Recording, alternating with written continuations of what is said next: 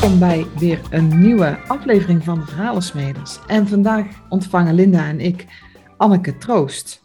En Anneke die uh, woont samen met haar uh, man en twee dochters in Wijk bij Duurstenen. En ze is onlangs 40 jaar geworden. En uh, ze is in de bloei van haar leven, zoals ze zelf zegt. van ik begin nu pas te ontdekken waar het echt om gaat. Dus daar ben ik heel benieuwd naar.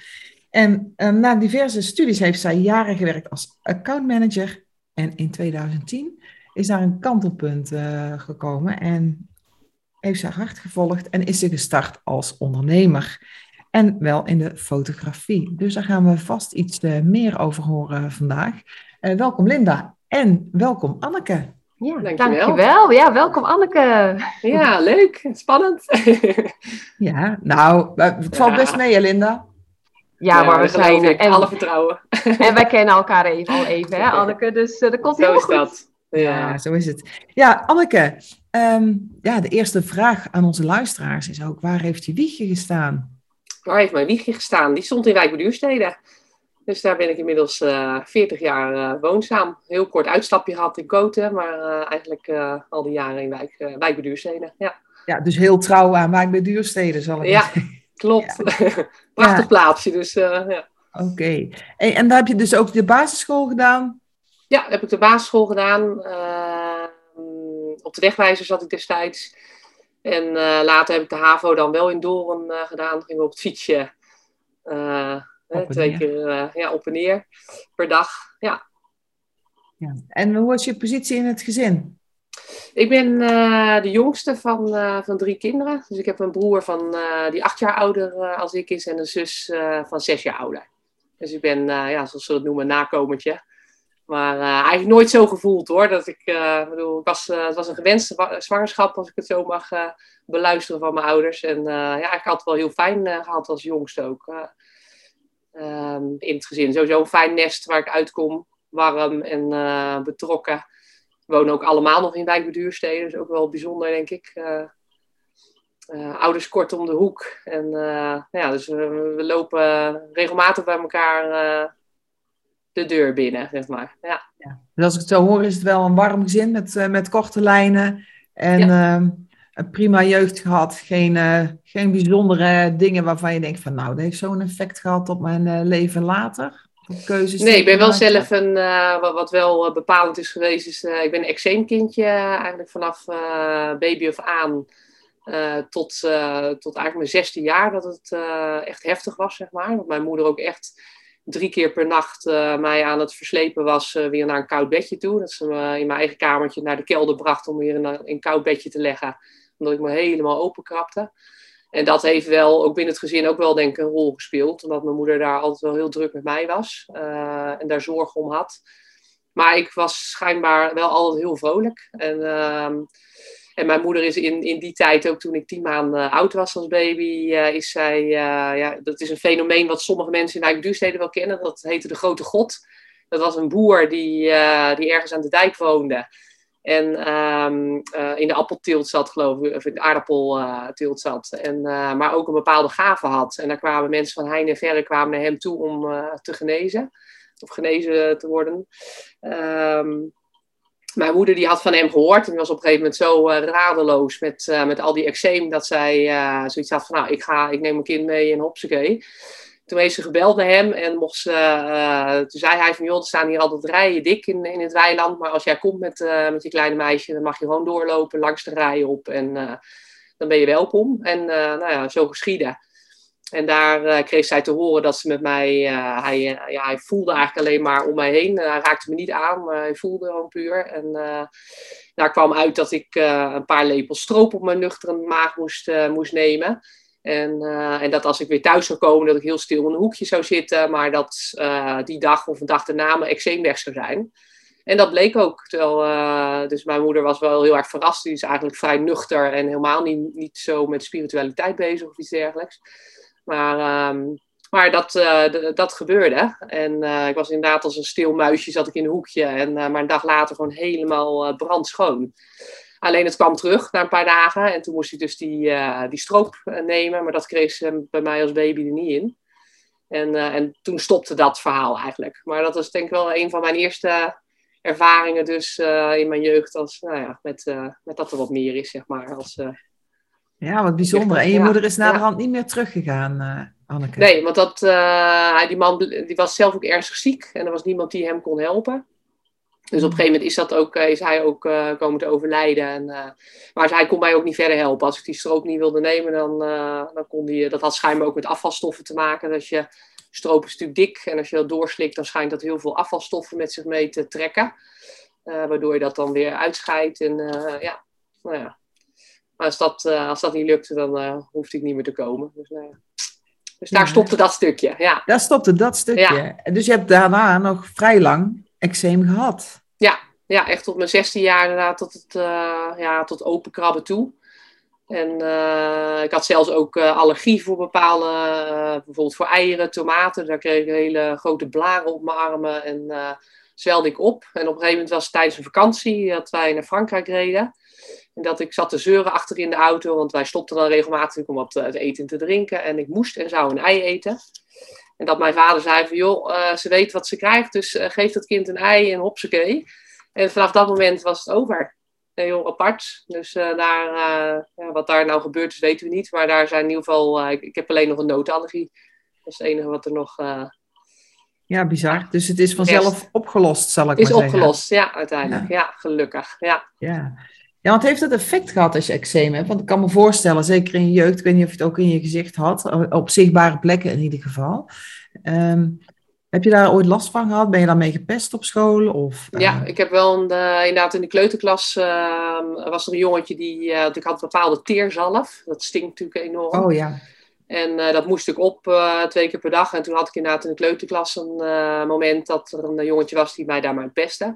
Dus daar kwam ik heel verdrietig mee thuis, dat ik niet meer naar school wilde. En uh, nou, mijn moeder van, wat is er dan? Nou, uiteindelijk kwam het hoge woord eruit. En, uh, maar dat is heel goed opgepakt, eigenlijk direct door de kleuterjuf, die uh, dat ter sprake bracht in de klas. En uiteindelijk zo goed heeft geregeld dat, dat iedere, ieder kind die potzalf... uiteindelijk hebben ze dan een, hadden ze een andere zalf genomen die iets minder rook. En toen uh, wilde iedereen in de klas uh, wat van die zalf hebben. En uh, was dat eigenlijk klaar. Maar goed, dat is wel iets, ja, daar had ik wel even last van. Maar ja, gelukkig goed, goed opgepikt, ja. Ja, dus ehm, los, los van het eczeem en het verhaal daar, daaromheen... heb je een redelijk ontspannen jeugd gehad in, ja. In Wijk bij Duurstede. En dan ga je naar de middelbare school in Doorn. Ja, toen ben ik naar de HAVO gegaan inderdaad. Eigenlijk ook wel een hele ja, fijne tijd. Ik ben ik ja, een redelijk gemiddelde leerling altijd geweest. En uh, ik vloog overal wel een beetje tussendoor, een hoop vriendinnen. Um, ja, daar, daar heb ik eigenlijk in die zin niet echt uh, dat ik tegen hele grote dingen aanliep. Uh, als ik achteraf wel eens kijk, hè, met, met alles wat ik nu weet, denk ik wel eens in, in keuzes met, uh, ja, met vriendschappen die ik toen ook maakte. Dat ik me soms ook wel ehm, nou ja, dat ik ook wel een beetje volgde soms. Hè? Een beetje volgzaam was en uh, zo. Ja, maar dat ja, verder uh, geen, uh, geen hele gekke dingen in die tijd gebeurd. Nee. Nee. En toen al een beetje idee van, hè, dan heb je de HAVO gehad en dan mag je gaan kiezen, hè, wat wil ik later worden? Ja, Had je daar ja. al duidelijk beeld en geluid bij wat je wilde? Ja, in die tijd, eigenlijk toen ik in de, in de brugklas zat, was ik heel erg bezig met ja, toch ook wel een stukje horeca. Ik wilde eigenlijk altijd een jeugdherberg. Dat is iets wat me bijstaat. Ik las ook altijd vroeger van die boekjes van zo'n paard. Ik ben even de naam kwijt, maar zo'n paardenmeisje. En die uh, zat dan in zo'n jeugdherberg en dan met paarden op pad. En uh, dat leek me helemaal fantastisch. Dus dat heeft altijd wel een beetje in mijn achterhoofd gezeten. En uh, nee, op een gegeven moment, ja, ik, ik, had wel een redelijk helder beeld dat ik naar de hotelschool wilde. Uh, was wel heel stellig, want ik ben toen gaan kijken natuurlijk naar diverse scholen, ook in Den Haag geweest, naar de Hoge Hotelschool. Maar daar was ik wel heel snel uit dat ik daar niet paste. Want dat vond ik allemaal, het publiek wat daar kwam, vond ik ja, allemaal een beetje ja, houten betoten, zoals ik dat maar noem. En ik ben zelf altijd wel redelijk nuchter en ja, denk doe maar normaal hè? en wees jezelf. Dus dat, dat vond ik toen niks. En toen ben ik uiteindelijk, ehm, kwam ik op de middelbare hotelschool in Wageningen. En dat sprak me eigenlijk direct heel erg aan. Ook gewoon lekker hands-on mentaliteit, gewoon doen. En, uh, en daar ben ik ook wel heel erg van. Hè? Dat je van onderaf begint, um, is denk ik sowieso niet verkeerd. Dat je gewoon je handen uit de mouwen steekt en ook proeft inderdaad waar. Ik bedoel, kamers schoonmaken. heb ik allemaal gedaan. Ja, ik, respect voor de mensen die dat doen. Dus op die manier iets opbouwen is denk ik niet verkeerd. En ik kon toen vanaf de HAVO instromen in het tweede, tweede jaar daar. Ehm, dus uiteindelijk kon ik die opleiding in drie jaar doen. Dus dat had natuurlijk ook zijn voordeel. En nee, dat is eigenlijk wel een hele leuke, leuke tijd. Leuke klas ook gehad ik ben niet iemand uh, die heel. Uh, ik, ik, heb altijd thuis gewoond in die tijd. Dus daar koos ik ook bewust voor. Op een gegeven moment had ik ook gewoon een autootje dat ik naar Wageningen kon rijden. Want dat is niet zo'n hele makkelijke verbinding vanuit Wijkduurstede. Dus dat maakt het natuurlijk wel heel plezierig. Dat ik niet al die tijd in die lange busritten moest. En, dus dat, dat scheelde, maar bewust niet gekozen om op kamers te gaan. Dat heeft me op de een of andere manier nooit zo getrokken vond het gewoon fijn om ook. Uh, ik had toen ook een bijbaantje in de horeca en daar ook hele leuke contacten. Uh, daar heb ik eigenlijk nog een vriendengroepje van over uit die tijd. Dus dat, dat geeft misschien ook wel aan. Dat wilde ik ook niet opgeven. En dat, ja. Dus, dus ook dat was eigenlijk wel een mooie, ja, mooie tijd. En, en vanuit Wageningen ging ik naar. Ehm, want toen had ik wel zoiets van, joh, hele leuke opleiding. horeca ontzettend leuk. Alleen ik wil wel meer. Ik had zoiets van, ik zie mezelf niet uh, jarenlang in de bediening lopen. Wat ik gewoon als bijbaantje deed. Ik denk, dat ga ik niet uh, mijn leven lang uh, doen. Zwaar werk, waar je absoluut wel, vind ik wel, nou, wel leert. Hè? Je leert in een team te werken, je leert hard te werken. Het is ja, in weekenden. Dus het heeft af, absoluut wel een goede baas, vind ik. maar ik had wel zoiets van, ik wil meer. En toen ehm, ben ik gaan zoeken eigenlijk van, goh, wat wil ik dan? Toen heb ik een opleiding uh, marketingmanagement gedaan. Die kon ik, omdat ik dan die middelbare hotelschool had, ook in drie jaar doen. Dat was een uh, particuliere opleiding in Rotterdam. Um, nou, ook een uh, ja, hele fijne, ja, fijne tijd waar ik ja, veel sales marketing. Dus dat is ook iets wat mij, wat mij wel erg ligt. Ik vind het heel leuk om te netwerken. En nou, dat bleek eigenlijk daar ook wel in die opleiding al. Dat ik ja, dat, uh, hè, vooral het relatiemanagement eigenlijk. Dat, dat is iets wat mij, uh, niet zozeer het verkopen, maar echt het, stukje relatie onderhouden. En uh, dat dat goed bij mij paste. En ehm, ja, vanuit die stages eigenlijk die ik daar liep, kwam ik bij Akko Bureau terecht. Dat was een onderdeel van Wolters Kluwer uitgeverij. Maar gewoon een op zichzelf staand bedrijf in Woudenberg. Um, een intermediairsbureau voor vergader- en trainingslocaties. Dus wij gaven brochures uit, maar ook online deden we dingen om uh, vergader- en trainingslocaties, hotellocaties met vergaderruimtes, om die te promoten. Uh, dus wij brachten eigenlijk vraag en aanbod samen, zo moet je het zien. En uh, nou, daar kwam ik dus als, als student terecht via, een, via de zus van een vriendin van mij die daar werkte. En die zei van, joh Anneke, dat is, uh, dat is denk ik een hele leuke uitdaging voor jou. En uh, nou, je kan bij ons stage komen lopen. Dus uh, zo geschieden eigenlijk. En in dat half jaar dat ik daar stage liep, ja, had ik echt een super tijd. Een heel leuk team. En ook met dat team gaan we nog ieder jaar eten. Dus dat geeft ook wel aan hoe, hoe, hoe fijne tijd we daar hadden. Um, maar dat, uh, in, die, in die periode kreeg ik heel veel vrijheid. Dus ik uh, mocht veel met de accountmanagers op stap. Uh, veel relaties bezocht. En ik dacht helemaal van ja, dit is mijn ding. Um, maar goed. toen, nou ja, zeg maar in dat half jaar heb ik daar een brochure op mogen zetten. Dus was er een kleine accommodatiewijze die dus nog niet bestond. Maar bezocht ik kleinschalige locaties met maximaal vier zaaltjes. En dan mocht ik op een gegeven moment zelfstandig naartoe. En uh, deed ik daar uh, de gesprekken. En, uh, en als ik een x aantal had behaald, dan, dan werd die ook daadwerkelijk uitgebracht. En dat is gelukt in die stageperiode. En dat had als gevolg dat ik daar ook mocht blijven. en een van de, van de accountmanagers ging weg. Dus ik kreeg daar eigenlijk direct een baan. En zo kwam ik, ja, ging ik daar als, als junior accountmanager zeg maar, aan de slag. Ja, dus je bent wel, als ik jou zo hoor, overal een beetje ingerold. Het zijn niet echt specifieke keuzes die je hebt gemaakt. Het komt eh, langs op je pad en denk ah, wel leuk om te doen. Maar het was niet echt een visie van, uh, hoe moet ik zeggen, van, dit doe ik nou... Ja, maar je zult, jij hebt met veel plezier gedaan, dat hoor ik ja. van zeggen. Maar het was niet een keuze van, ah ja, van hier ben ik nou voor gekomen, zal ik maar zeggen. Dit, dit vind ik nou helemaal uh, leuk om te doen. Terwijl je het wel heel erg naar je zin had. Ja, Nee, maar dat klopt. Heel veel dingen inderdaad, als ik het achteraf bekijk, is het best wel aardig. Ja, ben ik inderdaad een beetje ingerold, zoals je het zegt. Uh, maar echt wel een hele leuke tijd gehad. En het leuke was daar, omdat het zo'n kleinschalig team was, we waren met twaalf man. Uh, we gaven brochures uit, dus ook daar uh, begon al wel een beetje de, ja, richting de fotografie, zeg maar. Want dat is, om dat er even bij te halen, dat is wel iets wat al vanaf mijn jeugd um, ja, gewoon op de achtergrond meespeelde. Ik heb het altijd heel leuk gevonden. Altijd tijdens vakanties was ik druk met de foto's maken. En achteraf, ik heb boeken vol met uh, geplakte foto's. Dus op die manier was het eigenlijk altijd wel een onderdeel van. Ik heb ook wel veel workshops en uh, dingen gedaan, in mijn, uh, ook in mijn jeugd al en, en later. maar gewoon altijd als, hè, als hobby, zeg maar. Um, maar goed, toen bij Akko werkte, gaven wij brochures uit waar natuurlijk ook veel fotomateriaal in zat. En wat ook een belangrijk onderdeel was. Dus daar zag ik ook wel regelmatig van ja, uh, nou, dat het uh, in mijn optiek anders kon. Of uh, dat, dat, ik dat ook leuk zou vinden om te doen.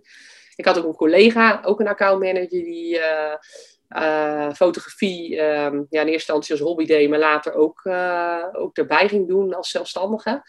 Dus dat heeft ook iets, denk ik, bij mij getriggerd. En, en toen ben ik in die, in die tijd dat ik daar werkte, ben ik de vakopleiding in Apeldoorn gaan doen op zaterdag. Gewoon puur uit interesse. Ik dacht, ja, weet je, ik vind het gewoon leuk. Ik wil er meer van weten. En uh, toen heb ik die opleiding gedaan. Ja, dan heb je uiteindelijk het diploma. En toen begon er bij mij iets uh, dat ik dacht van ja, hè, ook het ondernemerschap. Dat, uh, dat was, eh, ja, mijn ex-partner was ondernemer, dus daar zag ik ook al. ik heb een broer die ondernemer is. Uh, nou, mijn vader heeft altijd, uh, is niet echt een ondernemer geweest, maar hij is wel uh, directeur geweest van een, van een mooi bedrijf. Dus het zit er ergens ook een beetje in de family al wel in. Dus ik dacht, ja, weet je, die combinatie, gewoon lekker zelfstandig kunnen werken. Ik denk, ik heb de, de skills geleerd om hè, relaties op te bouwen en te onderhouden. Ja, en dan die papieren voor fotografie. Dus ergens dacht ik, ja, weet je, wat, wat let me eigenlijk? Ja, had je toen al wel kinderen, uh, Anneke? Want hoe ging het nee, in jou? Nee, Want, toen nog niet. Nee. Toen had je nog geen kinderen? Nee, dat was in... Uh, nee, eigenlijk in 2009 had ik echt mijn papiertje uh, als, voor de vakopleiding fotografie. Ja? En in die tijd um, zat ik ook binnen Acco-bureau. We hadden heel veel wisselingen binnen het team. En ook daarin zat ik niet helemaal lekker meer. En er waren vanuit Wolters Kluwer kwam er wat druk op... Um, nou ja, op, op, het, uh, op het bedrijf, zeg maar, dat we ook andere vakbladen moesten gaan, uh, gaan verkopen. En toen dacht ik van ja, ik ben juist, uh, ik vind dat kleinschalige vond ik heel prettig. Maar op het moment, hè, en al die, die jaren hadden we weinig invloed van, van Kluwer, maar dat ging steeds meer drukken. En dat zat niet lekker bij mij. Nou, dat blijkt ook wel uit mijn profiel, dat die druk niet goed is, maar dat, dat zie ik nu. En nu kan ik dat beter plaatsen. Linda begint al te lachen. Maar uh, nou ja, dus dat, al met al uh, waren het eigenlijk redenen dat ik dacht van ja, wat let me. Ik, hey, ik en ik had een, op dat moment een, een, vaste relatie van tien jaar. We hadden net een huis gekocht en ik denk ja, waarom zou ik niet die stap wagen? Dus gekozen inderdaad, of, of, uiteindelijk heel bewust gekozen, nou, ik ga die fotografie doen. Ik ga gewoon alvast starten. En op dat moment nog deels op kantoor bij mijn ex-partner. Dus uh, daardoor ook gewoon wat inkomsten uh, op die manier, zeg maar. Uh, en nou ja, toen heb ik opgezegd. En in 2010 is officieel van start als, als fotograaf. Op dat moment ja, ongeveer twee dagen fotowerk wat ik dan in de week had. en in, in, combinatie dan met, met kantoorwerkzaamheden. Alleen na een half jaar besloot mijn ex-partner dat, nou ja, dat, hij geen, dat hij niet meer zag zitten tussen ons. En dat, uh, nou, dat was geen, uh, hoe zeg je dat? Was, het was geen bevlieging. Dat was wel daadwerkelijk een uh, bewuste keuze. Dus ja, dan sta je na een half jaar hè, net begonnen. Twee dagjes fotowerk. Mijn, mijn vastigheid op kantoor viel weg. En ik moest mijn huis verlaten. want ja, ik kon daar niet blijven wonen. Dus ehm, ja, dan is het wel even dat was wel even zuur. Ja, precies. Maar dan slaat de bodem wel even. Hè? Je gaat er nu even je snel overheen. Nou, ja, ja. maar ja. dan slaat wel de bodem weg. Want hè, je ja. vaste basis is weg, je huis is weg. Ja. Um, uh, alles wat je dacht, wat, uh, wat je leven vormde op dat moment en wat je bestaanszekerheid gaf, ja. uh, verdwijnt wel ineens. Ja, dat en was echt, sta je, ja. Ja, en um, dan heb je twee dagen per week werk je, hè? of in ieder geval heb je opdrachten. Um, ja, hoe, ga, hoe gaat dat dan verder? Want hè, het is best wel even een pittige periode. Ja, hoe, hoe oud was je toen, uh, Anneke? Uh, ik werd toen 29. Dus dat was ook nog eens een keer een, ook een leeftijd dat wij natuurlijk ook, wel, ook al wel spraken over, uh, over trouwen, kinderen krijgen, dat. Dus ja, dat, dat, dat, kwam er ook nog eens een keer bovenop. Dat ik dacht van potverdikkie, en nu, en nu? Ja. Moet je eerst maar weer iemand vinden. En, ja, en sowieso, ik, ik was echt in de overlevingsmodus. Want ja, natuurlijk net mijn baan opgegeven. Ik had altijd, ja, altijd in die zin natuurlijk heel gemakkelijk gehad als accountmanager, auto onder je kont, uh, een laptop, een telefoon, uh, goed salaris. En daar had ik bewust voor gekozen. Ik bedoel, ik, wilde, ik, kon zelfs in die tijd, dat moet ik ook eerlijk zeggen, er was kort daarvoor nog de mogelijkheid dat ze, want ze wilden me toen behouden, dat ik wat minder uren ging werken. Dat was vrij uniek als accountmanager, want je moet toch vaak wel minimaal vier dagen werken. Maar dat heb ik afgeslagen en dat is absoluut een bewuste keuze geweest. Hè? Dat, dus ik had ook zoiets van, joh, ik ga gewoon mijn schouders eronder zetten en we gaan ervoor. Alleen, uh, ja, er moest wel inkomen. Ik moest natuurlijk in één keer in mijn eentje, uh, ik moest een, een, huurhuis hebben. Uh, nou, voor sociale huurwoning kwam ik niet in aanmerking. Dus het is, eh, je kunt al een beetje, hè, dan moet je toch een aardig inkomen genereren om, om het allemaal rond te krijgen. Gelukkig was ik uitgekocht, dus ik had wel een buffer. En dat was heel fijn. Dat gaf natuurlijk een stukje zekerheid voor mezelf. Um, en ik dacht, ja, weet je, ik ga het nu bewijzen ook dat ik het kan. Ik, uh, ik heb een keuze gemaakt en uh, we gaan ervoor. En daar kwamen mijn netwerkskills en mijn relaties die ik opgebouwd had in al die jaren. Dat ja, kwam natuurlijk enorm van pas. En toen ben ik gaan, uh, toen heb ik me aangesloten bij een, bij een netwerk, bij BNI. Dat is een vrij Amerikaanse organisatie. Ik weet ja. ja, je knikt, bekend. Ja, nou, ik heb ervan gehoord. En laatst zei, uh, zei iemand tegen mij, dan moet je echt naartoe. En zei maar dat is morgen zo vroeg. Dan ben ik echt niet op zijn best. nee, nee, dat is inderdaad inlopen om half zeven, kwart voor zeven. En dan om zeven uur gaat het van start. Ja. En, ja, voor de eh, luisteraars die niet weten wat het is, misschien kun je het even toelichten. ja, dat is uh, Business Network International. Dat zit, BNI zit eigenlijk door heel Nederland uh, met allerlei groepen van zo'n gemiddeld 30 ondernemers vanuit allerlei disciplines. Uh, van iedere discipline is er één ondernemer aanwezig. En dat maakt ook dat je een vrij krachtig team, uh, netwerkteam hebt die wekelijks samenkomen tijdens een ontbijt. Uh, er zit een vrij strakke agenda in. Dat is ja, behoorlijk Amerikaans. Ik heb zelf altijd gezegd van prik er een beetje doorheen. Ehm, maar ieder doet zijn verhaal over zijn discipline in een minuut, iedere week. Maar de kracht ervan is dat je een uh, wekelijks een zoekvraag uh, stelt, waardoor er 30 man ook. Uh, ja, ik vind altijd de wereld is maar klein, want als ik daar een bepaalde vraag stel van joh, ik wil bij dat of dat bedrijf binnenkomen, was er altijd wel iemand die iemand kende. En dat is wat netwerken is. Hè. Het kan je buurman zijn die wel Pietje van de Achterhoek kent en die jou binnenbrengt. Dus die kruiwagens, ja, die had je daar wekelijks. Um, ja, en dat heeft mij op dat moment wel enorm geholpen. Want na een half jaar kon ik, uh, omdat ik daar best wel wat werk genereerde, kon ik na een half jaar gewoon uh, in ieder geval een boterham. Hè? Ik bedoel, ik ben er, uh, werd er niet rijk van, maar ik kon me in ieder geval goed onderhouden. En, ehm, nou ja, dus dat, en, en, buiten het feit dat ik werk eruit genereerde, gaf het me ook echt wel wekelijks heel veel energie om samen te zijn met mensen gewoon weer even met gelijkgestemden, hè, met ondernemers te praten. En uh, ik ging daar altijd wel met een uh, heel enthousiast vandaan. Dus dat heeft me veel gebracht, die, uh, die tijd. Um, ja, en dat heb ik een jaar of vijf gedaan totdat ik ja, zwanger werd. Maar dat is weer even een stukje verder. Ja, ja dat is weer even een stukje verder. Ja, want in de tussentijd kom je Sjoerd tegen, neem ik aan. Ja, ja, die kwam ik eigenlijk ook uh, na dat half jaar, zeg maar, had ik het, nou ja, begon ik het redelijk op de rit te krijgen. Ik had inmiddels, uh, want ik heb nog een tijd wel in mijn oude huis gewoond. Uh, die ruimte kreeg ik gelukkig. Dus ik heb wel nog iets van een half jaar alleen, zeg maar, daar in Koten gewoond. Um, en in die tijd ja, was ik dus gewoon als fotograaf werkzaam. deed ik ook wat in de appelpluk bijvoorbeeld erbij. Ik heb wat schoonmaakwerkzaamheden gedaan. Gewoon om maar wat nou, gewoon inkomen te genereren. Heel veel genetwerkt. Uh, buiten BNI zat ik ook in wijkse clubjes. En ik, uh, ik heb uh, heel veel voor de voetbal in, in Koten gedaan. dus veel mijn gezicht laten zien en overal bij betrokken. ook gewoon hè, voor jezelf qua energie en is dat heel goed. Maar uiteindelijk brengt dat je altijd weer werkzaamheden. En in 2011 kon ik uiteindelijk bepaalde dingen loslaten. En ik zei van ja, ik heb in ieder geval voldoende fotowerk om, om gewoon mijn, mijn huur en mijn eten te, te kunnen betalen. En ja, vanaf dat moment uh, verder gaan bouwen. Ja, en toen kwam Sjoerd inderdaad de hoek om. Die eigenlijk een van mijn, wel grappig, want een van mijn eerste avonden dat de meiden zeiden van kom Han, we gaan weer eens even naar de kroeg toe. En gezellig even een borreltje drinken met elkaar. En ik had, zat net in mijn huisje, in mijn appartementje. En nou ja, we hebben daar een gezellig avondje. En, en ik ontmoette Sjoerd. En Sjoerd en ik kenden elkaar al wel. Um, eigenlijk via mijn ex-partner, waar ik, uh, nou, omdat hij in de horeca werkt, zeg maar, stond ik ook regelmatig hamburgers te bakken. En kende ik natuurlijk heel veel mensen uit, uit de gemeente Duursteden. Dus Sjoerd stond daar ook wel eens bij. Dus we, we kennen elkaar van hoi en doei.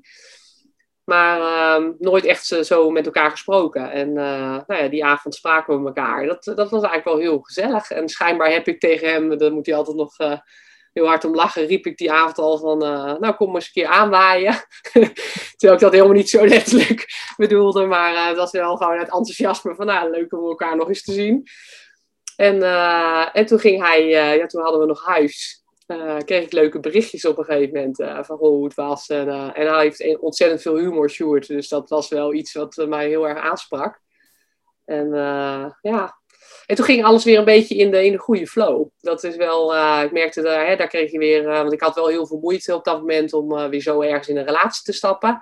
Dat, dat, dat gaf ik ook aan, maar we hebben, ja, gingen gewoon langzaam aan. En af en toe eens een uitje, leuke dingen. En ja, dat geeft dan weer energie, hè. En, uh, en, dat speelt ook in heel veel dingen door. Dus uh, ja. Zo leuk om te horen, Anne, want wij kennen elkaar natuurlijk al even. Maar ik, hè, nu ja, naar jouw verhaal luisterend, vind ik het zo mooi. Want je hebt dus letterlijk je relatie geïnitieerd. En dat past wat je eigenlijk, hè, want ja. wat ik gewoon zo mooi vind, en dat is ook echt wel heel gaaf, want we hebben vandaag een innovator in ons midden. Ja. 8% van de wereldbevolking hè, is jouw type. En dat is heel bijzonder en heel krachtig. En dat hoor je ook heel erg terug in jouw verhaal. En wat ik um, heel mooi vind, wat, wat me opviel in je verhaal, is dat je ook zegt van hé, hey, ik ben best wel dienend geweest. Hè, wat eigenlijk helemaal niet zo past. Maar ik, ik hoor ook, hè, in de loop van je leven is er steeds meer kracht ontstaan. En ik hoor het ook in je stem. Ik, ik zie ook hè, jouw design. Je hebt wilskracht gedefinieerd. Dat betekent dat je, hè, dat je ook echt wel die wilskracht kunt gebruiken om letterlijk, ik wil een nieuw leven opbouwen. Dus ik ga ervoor en wat ik daarvoor moet doen, dat doe ik. Ja. Hè, ondanks dat je hè, wel qua energie, dat het anders voor jou werkt. En het is, wel, is ook wel mooi om daar zo wat meer dingen over te horen. Maar ik hoor ook jouw intuïtie steeds meer naar voren komen. En dat is jouw kracht, want je bent een intuïtieve innovator. En ja, dat is wel heel gaaf, want dat is hoe jij in beweging komt om hier dingen letterlijk voor ons, eigenlijk voor de werkmieren en alle andere types, om daar deuren voor te openen, ja. hè, die anders voor ons gesloten blijven. Dus ik vind het uh, heel erg gaaf. En natuurlijk het stukje druk, hè, wat je ook aangaf. Het is voor jou uh, heel lastig om onder druk te worden gezet, hè, om te, dingen te moeten doen of een bepaalde kant op te gaan. Want jij bent hier om zelf te bepalen welke kant je opgaat. Ja. Ja. Dus, ik, dus ik vind het ook wel leuk als je nu ook terugkijkt op je leven. Want je weet natuurlijk, ja, want we hebben samen gewerkt hè, over jouw mhm. design. Als jij terugkijkt en je, met, door de bril van een, wat je nu weet hè, over het zijn van een innovator.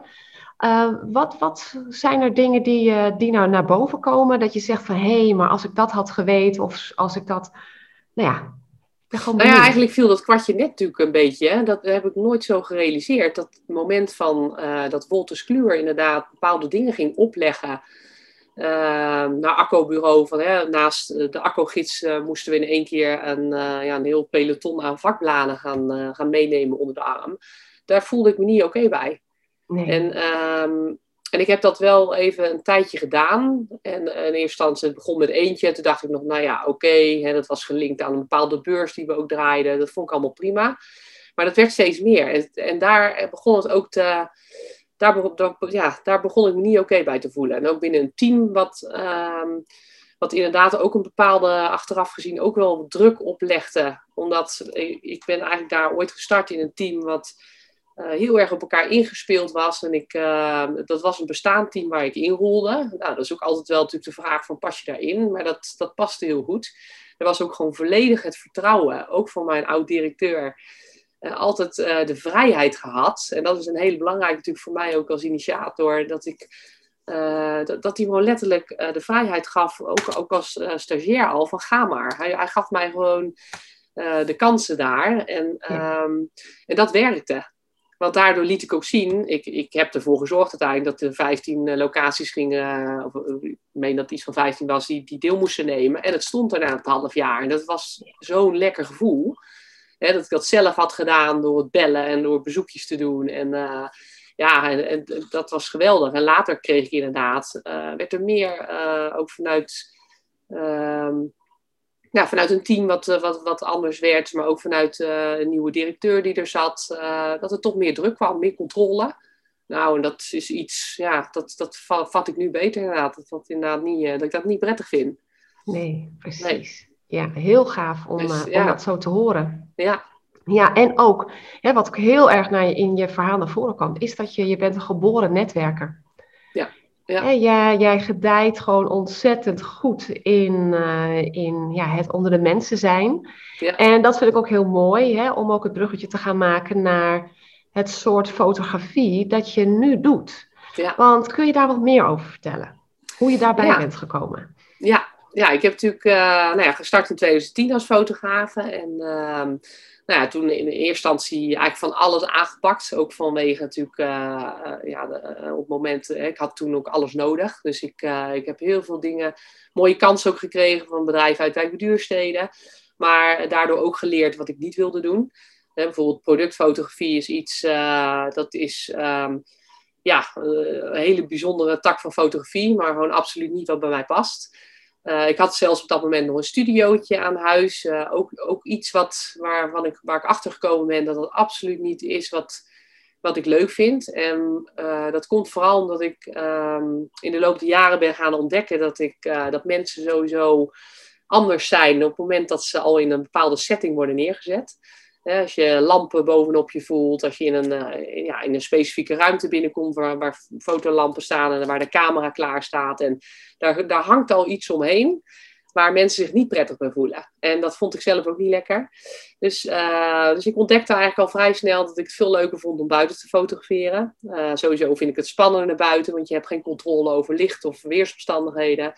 Uh, de locatie is altijd anders. het is fijn om met mensen lekker te wandelen en gaandeweg zeg maar, foto's te maken, waardoor er diversiteit in het beeld ontstaat, maar waardoor mensen ook gewoon veel meer bij zichzelf komen. Um, dus dat is iets wat ik eigenlijk al wel een beetje ontdekte. En ik had altijd nog contacten met, met de mensen van mijn vak, vakopleiding. En een van de studenten die ook destijds bij mij zat, die attendeerde mij erop dat er een plekje was vrijgekomen bij, een, bij Jess Rocks. Het is een beloved fotograaf uit Canada. die ja, eigenlijk de initiator ook van, van de hele beloved fotografie. Um, en daar waren, uh, ja, hij is dan de, nou ja, de initiator, maar hij heeft een aantal mensen in verschillende werelddelen, waaronder Nederland dan ook, die zijn werk eigenlijk ehm, nou ja, ook overbrengen aan anderen. En daar was een soort van ja, een opleiding. En daar was een plekje vrijgekomen. Dus ze zegt, dit vind ik helemaal bij jou passen. En achteraf vind ik het ook heel bijzonder dat zij dat nou ja, ook zo goed heeft aangevoeld. Dat dat inderdaad iets voor mij was. En dat kwam in de periode dat ik zwanger was van, van mijn oudste dochter, Sjors. Dus eigenlijk daar ook wel de ruimte voor had om zo'n opleiding te doen. Het was, meen ik, een half jaar die opleiding toen. En dat was online. Maar wel met, ja, gewoon via Zoom coaching en, en, en bepaalde opdrachten en zo. van die essays moesten we doen. En, nou ja, dus dat heb ik een half jaar gedaan. En nou ja, dat vond ik, ja, dat, de Bilov-fotografie is, uh, ja, om eerst maar even te vertellen wat het nou eigenlijk is. Uh, ehm, Bilov-fotografie is een manier van fotograferen waarbij, ehm, waarbij je mensen uitnodigt om bepaalde dingen te zeggen. Stel je hebt een, uh, een, koppel, een liefdeskoppel, dan uh, nodig ik mensen uit om bepaalde vragen aan elkaar te stellen. Waardoor er gewoon een heel mooi moment ontstaat. Waardoor het echt een belevenis wordt om, tijdens een fotosessie. Dus ze zijn niet meer bezig met de camera, maar ze zijn bezig met elkaar. En ja, hoe vaak vertel je aan elkaar wat je bijzonder vindt? Of waarom je verliefd op elkaar bent geworden? Of welke dingen je in de toekomst nog wilt gaan beleven? Of, dus er zijn hele mooie vragen waar een opbouw in zit. Hè. In eerste instantie, uh, bedoel, mensen geven zich niet meteen helemaal bloot. Je moet natuurlijk um, ja, je, het is eerst een beetje spelende wijze, een beetje gekke vragen worden gesteld. En er zit een opbouw in en dat gaat steeds dieper. En bij de een gaat dat wat verder dan bij de ander. Dat is aan mij om dat natuurlijk aan te voelen hoe ver het kan gaan. Maar het mooie is dat er, doordat mensen met die vragen bezig zijn, er echt een pure emotie naar boven komt. En dat is het moment dat ik de foto maak. En dat, is, uh, ja, dat geeft uh, nou, sowieso gewoon een heel mooi puur beeld. Maar ook het hele moment aan zich is een belevenis. En dat is zo, uh, ja, zo genieten. En niet alleen voor de mensen zelf, maar ook voor mij. Ik, na zo'n sessie denk ik echt, wauw, ja, heerlijk dat ik dat mag doen. Ja, want en dat is, uh, ja. wat ik grappig vind om te horen is dat ook dit weer een stuk is in jouw leven dat dan weer op je pad komt op de een of andere manier. Ja. Iemand zegt van, oh, er is toevallig een plekje vrij. Je bent niet actief op zoek, hè? Dus het, ja komt als het ware op, uh, op, je, op je pad. Dus wel grappig om te horen. Ja. En, dan, en dan past het ook. Ja, ja. Ja, zeker. Nee, dus, uh, dit, dit, is, ja, dit had niet beter gekund. Ja. Want en, doe je dat, en doe je dat echt met echtparen of doe je dat ook bijvoorbeeld voor zakelijke fotografie, voor ondernemers? Ja, juist ook inderdaad. ja, ik, het kan eigenlijk, het is een toepassing die voor families, koppels, kindjes, kindjes is meer spelende wijs en zakelijk juist ook heel leuk, omdat ik, ehm, wat, wat ik eigenlijk zakelijk al deed, als ik één op één een zakelijk portret met iemand maak, dan ga ik ook echt met mensen aan de wandel buiten. Ik merk steeds weer dat het gewoon heel fijn is om mensen uit hun comfortzone eigenlijk te halen. Hè? Even van de vaste werkplekken te trekken. En dat betekent niet dat ik nooit fotografeer binnen bedrijven of op werkplekken of wat dan ook. Maar juist door even met mensen aan de wandel te gaan, één op één uh, ze te laten vertellen over waar ze, ja, waar ze blij van worden, waar hun passie vandaan komt, maar ook, ja, ook privé dingen komen naar, naar voren. Daardoor ontspant men, uh, is minder met die camera bezig en, ja, en er gebeurt iets in die ogen. Ik zeg altijd van de, die twinkeling in de ogen, dat is, dat is wat ik terug wil zien op foto's. Hè? Dat ik echt een authentiek beeld krijg. En dat, dat krijg je niet op het moment dat je iemand tegen een muur aanzet en zegt van lach even naar mij. Nee, dat, dat werkt niet. Ik wil een echte lach zien. En ja, ja, dus, mooi. Dus, ja. ja, en we gaan weer langzaam naar een afronding uh, toe, want uh, we zijn alweer een hele tijd op dreef. En ik kan ook best wel even met je doorpraten, Anneke, ja. want het is heel interessant wat je allemaal vertelt en hoe je het doet. Want zoals jij zelf hebt aangegeven, dat je nu pas echt begint te ontdekken waar het om gaat in het leven. Ja. Dus toen dacht ik, nou, vertel eens Anneke, waar gaat het om? Ja, waar gaat Ja, dat is, dat is lastig om even zo in een woord of in één zinnetje te zeggen. Maar wat ik ja, laatste tijd, of nou, eigenlijk de laatste jaren natuurlijk heel erg ontdek, uh, met Linda samen ook, um, ja, is, is waarom de dingen zo gaan zoals ze gaan. Uh, en dat, dat heb ik echt door het human design, ontdek ik gewoon steeds beter wie ik zelf ben. Waarom ik de dingen doe zoals ik ze doe. En uh, wat er ook gebeurt in, in, in, relaties. Um, en ik ben natuurlijk onlangs 40 geworden. En dat vond ik eigenlijk wel was een heel mooi. Uh, dat, heeft me ook wel mooi inzichten weer gegeven. Omdat daar er werd een feestje voor mij georganiseerd. Um, echt super lief. Een verrassingsfeest. En ik heb daar een boek gekregen van, ja, van alle dierbaren, van vrienden, familie. Die daar een recept in hebben ge, gemaakt. Maar ook een, ja, eigenlijk een persoonlijk woord in hebben geschreven. En dat je dan terugleest inderdaad hoe mensen over je denken. Dat ik daar toch ook wel eens, ja, eigenlijk ook wel verrast door was. Door wat sommige mensen over je schrijven. En uh, um, ja, dat, dat, dat gaf wel bepaalde nieuwe inzichten weer. Ik denk van ja, jeetje An, uh, ja, bijzonder. Hè? Waar je, um, want ik heb best wel een zoektocht de laatste jaren, ook, ook binnen relaties. Ik heb ook best wel wat dingen... Uh, ja, ook wel wat, uh, hoe zeg ik dat netjes, uh, nou, wel wat pittige dingetjes voor me kiezen gehad met de relaties. Ook omdat ik zelf gewoon veel duidelijker aangeef wat ik wel en niet wil. Hè, waar ik dat eerder allemaal een beetje liet gebeuren, ben ik daar gewoon helder in geworden. En, ehm, en ik merk enerzijds dat mensen het eigenlijk ook wel heel prettig vinden dat ik dat doe. Maar het geeft ook wel wat opschudding. En nou ja, daar kan ik met Linda gewoon heel mooi over praten. Als ik dan bepaalde situaties voorleg, dan kan ze ook precies aan mijn design eigenlijk uitleggen van ja, dit en dit is wat er gebeurt. Ja, en dat is het mooie van het uh, zakelijk human design. Dat je zo de gebruiksaanwijzing van jezelf krijgt. Hè? Je hebt heel veel uh, conditioneringen vanuit het collectief, of zo doen wij dat nou eenmaal. Uh, waarbij je je misschien niet helemaal senang voelt, maar wanneer je snapt en weet wat je design is en hoe jouw gebruiksaanwijzing is, dan denk je, ah ja, het past ook niet. Dus dan heb je ook de sleutel in handen om het anders te gaan doen. En dan is het logisch dat je uh, in eerste instantie weerstand krijgt. Want mensen uh, zijn nou eenmaal gewend dat je altijd ja zegt, of dat je het altijd op een bepaalde manier doet. En wanneer je het anders gaat doen, ja, word je er nog even getest van, ja, is het echt wel zo? Of ja, um, kunnen we nog eventjes, uh, snap je het even niet, zal ik maar zeggen. Ja, precies. Dus, um, en dat is ook het mooie, want dat, dat heb ik ook wel vanuit mijn design. Um, wanneer ik lekker in flow ben en ik voel dat het gaat, dan leef ik volgens mijn design. En op het moment dat ik weerstand voel of dat ik denk van, oh, dit loopt nou echt niet zoals ik wil, uh, of hier heb ik helemaal geen zin in, dan is het ook wel weer heel goed om dan even weer, voor mij werkt het dan even in mijn rust te gaan, achterover te leunen en te denken, wat gebeurt er nou echt? Om maar niet mee in die, in die, stroom, die, die stroomversnelling te gaan die het leven heet af en toe. Ja, ja, ja mooi gezegd. ja. ja. Ja, en um, Anneke, ik, uh, wij gaan uh, langzaam naar de afronding uh, toe. Ik wil heel even kijken, Linda, heb jij nog iets te vragen of toe te voegen voordat we Anneke het woord nog geven?